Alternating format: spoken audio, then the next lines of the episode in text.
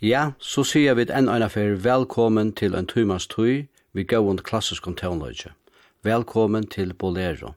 Her vidu det, fyrst spela tøvnløyg tja tvaim russisk tøvnasmyun, fyrir sujane at fer at høyra tøvnløyg norrlenskir tøvnasmyur hava skriva. Det var Peter Tchaikovsky og i åtte fyrste tøvnanar i det, og hetta var luttla klaverstykje ur versin om årstøyinar og på 26b til honom som han skriva i 1845 til 46. Hette er jo 12 små klaverstykje, 8 til kvann manava. Det var nummer 8 vid Hordo vid høyten og januar, og under høyten vid eldstegi. Det var ungverska Ilona Pronai og spalte fyrir jokken. Og hon heldur fram vid nummer 2 ur samlingene.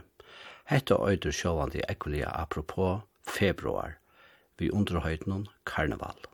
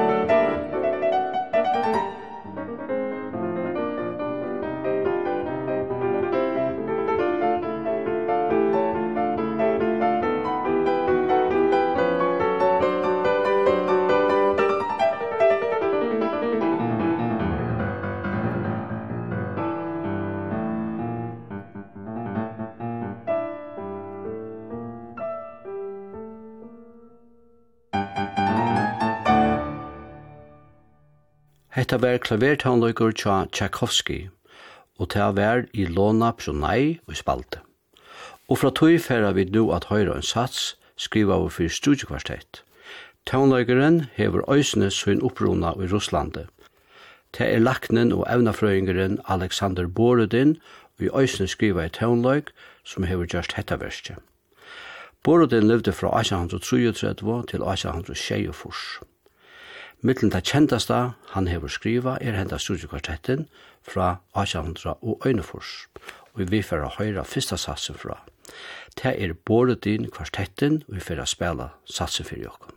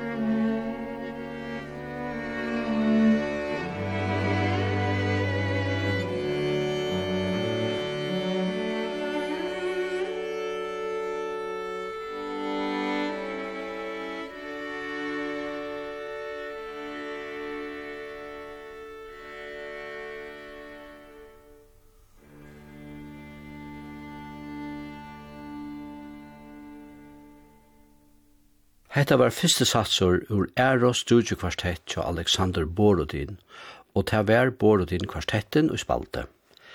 Resten av sendingen i Hesefer er halga norrlensk kontonløyge og komponisten.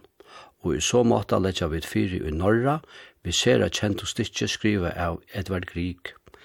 Det var fyrsta stitje ur Per Gunnsvidene vi høyde noen morgenstemning. Og i ødlundsynun einfaldne, så er hetta jo sera vekur og gauur tåndøyker. Og kanska ta einfalda nettopp er dikten og hesson versen. Her vera ta London Philharmonikarner under løsle av David Perry som færre spela.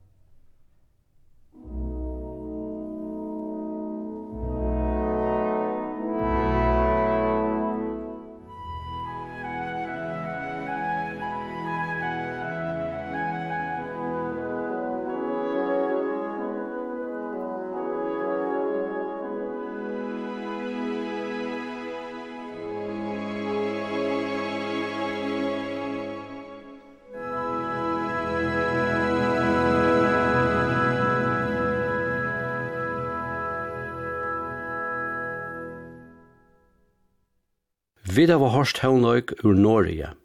Det var stikke morgenstemning tja Edvard Grieg. Og heiane flyta vi dokkun og et vet ester etter og høyra tøvnløyk ur Finland. Det er Sjanse Belius som hever skriva. Han levde fra 1835 til 1926. Og i sunn lenga løyve skriva i han nekvan tøvnløyk, og her i middelen er i middelen anna tjei symfonier. Han skriva i òsne nekvan klavertøvnløyk. Vi færre her at høyre en samling av fem stikkjon, kallet jeg fem skitser, opus 114, som han skriver i, i 1922. Jeg er ikke helt grøyer iver hvor han hever kallet hetta skitser, om hetta hever vært byrjunar atlanen til nekka større eller kvært. Men vekkurs er det, og hese stikkene hava finnje kvarset lytla høyte. Vi høyre her fyrst, Leif Ovi Ansnes og Norge spela tvei til fyrsto av hesson fem tei øyda landslag og vetrarmynd.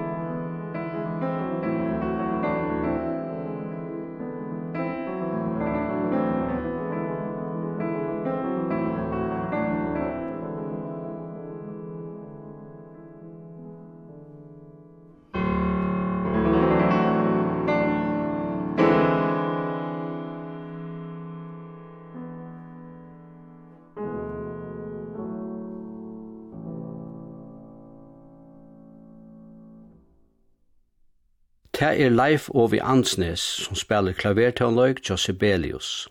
Hette er versk han skriva i i 1920 vi høyden noen fem skitser. Nå færa vi at høyre han spela Teitsui og i etter er. Høyden i Ataimon er fyrst kjøttnen, så gjerne sanker i skaunen, og til søgnas er det omvare. Vi høyre som sagt norska pianisten Leif Ovi Ansnes spela.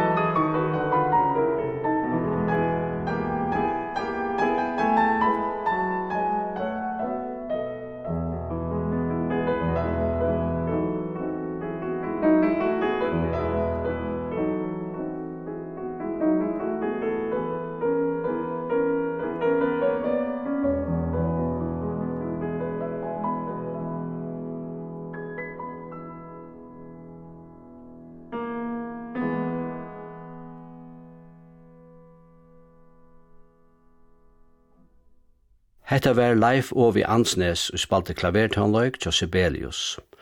Og vi tøyra øyte verska træt til Sjan Sibelius, og hetta ma vera øyte kjentasta, om ikkje ta kjentasta verski til hon. Høyti er Finlandia. Stykket var fyrst og fyrir framførst som søgnaste pastor av større verset i 1895 til hatierhald fyrir finsko pressene etla fjölmiddelnum. Finland var ta eit stor herstuga døme under russiska særenon, og Sibelius vil de hervi djeva sutt uikast til struje tja finnon fyrir fralse. Hetta var ein fjald protest vi møte veksande sensorenon fra de russiska valdenon. Jeg kan leggja trett at det var ikkje fyrr enn i 1916, og i av russiske revolusjonene, at Finland lustet seg som auheft og fralst land så fralse er ikke noe sjåfylgja, det sutja vid vist best og i Europa i det. Større parster av hesen tøvnløysnun er råkmykjel og eurauligur og lyse bardian til tjøvene for fralse. Men vi måtte i endanon være tøvnløygren frialigur og kjente og frifotle Finlandia solmeren tøvnar fram. Hetta le hefur verið nekk nutt og i nekkun ørum høpun og år er òsne sett til lei og eisne her i fargen vil rette lesunge. Vi tfæra at høyra Berliner Philharmonikarenar under løsle av Herbert von Karajan spela.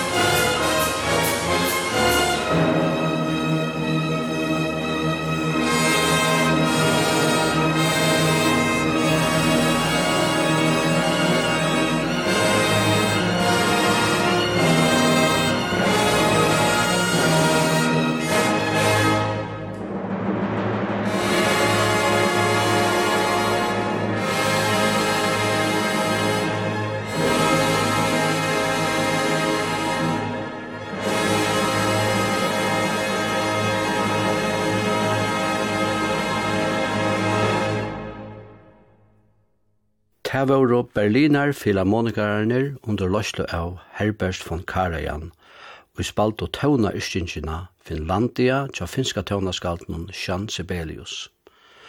Og ur Finlandi løyda vid okkon vestur iver atur til Nordics. Her færa vid a lusta etter verste og Johan Svensson skriva i i 1846. Svensson levde fra 1804 til 1911. Han var bæg komponister og dirigenter, og studeraði som ungur violin i tyska byen Leipzig, men var nøytter at djevast vi hesson vegna trubeløykar i håndene, og flott sujane iver at lesa komposisjon.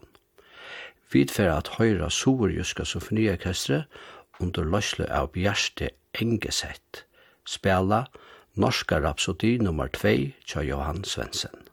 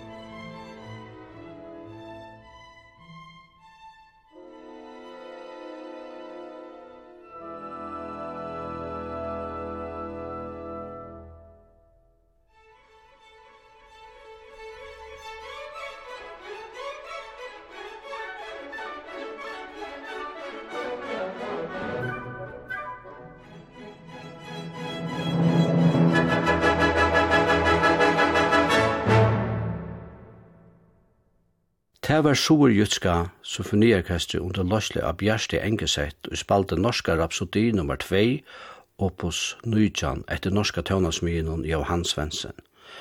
Og fra norska rapsodi flytta vi okkom til danmarskar hen vid enda sendingen hesefer. Vi tver at høyra tøvnløyk fyrir klarnett og klaver som Nils Vigati hever skriva. Gade levde fra 1816 til 1850, så vit er og mitt i romantiska tøyerskøyen. Gade skar jeg fram ur i danska tøvnlegaløyvnen og i livet tøysøyene, og hever øysene skriva nekvan og gauvan tøvnløyk. Og i 1804 kom fyra fantasistikker fyrir klarinett og klaver fra hans herre hånd. Vi tverra fyrst her at lusta etter det fyrsta. Te ero Luigi Marasca og klarinett og Gabriele Dal Santo og klavere som spela. Thank you.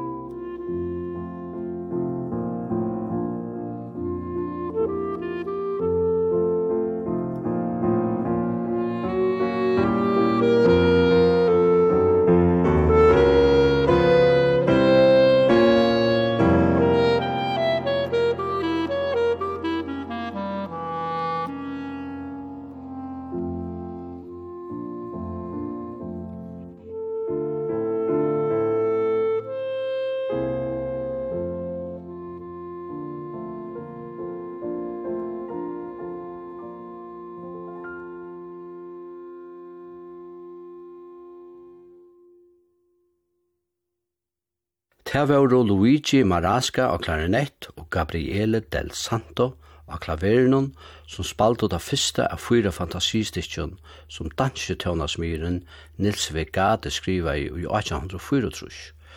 Og vi færre enda sendingen i det vi at høyre tar spela nummer 2 fra sommersamling.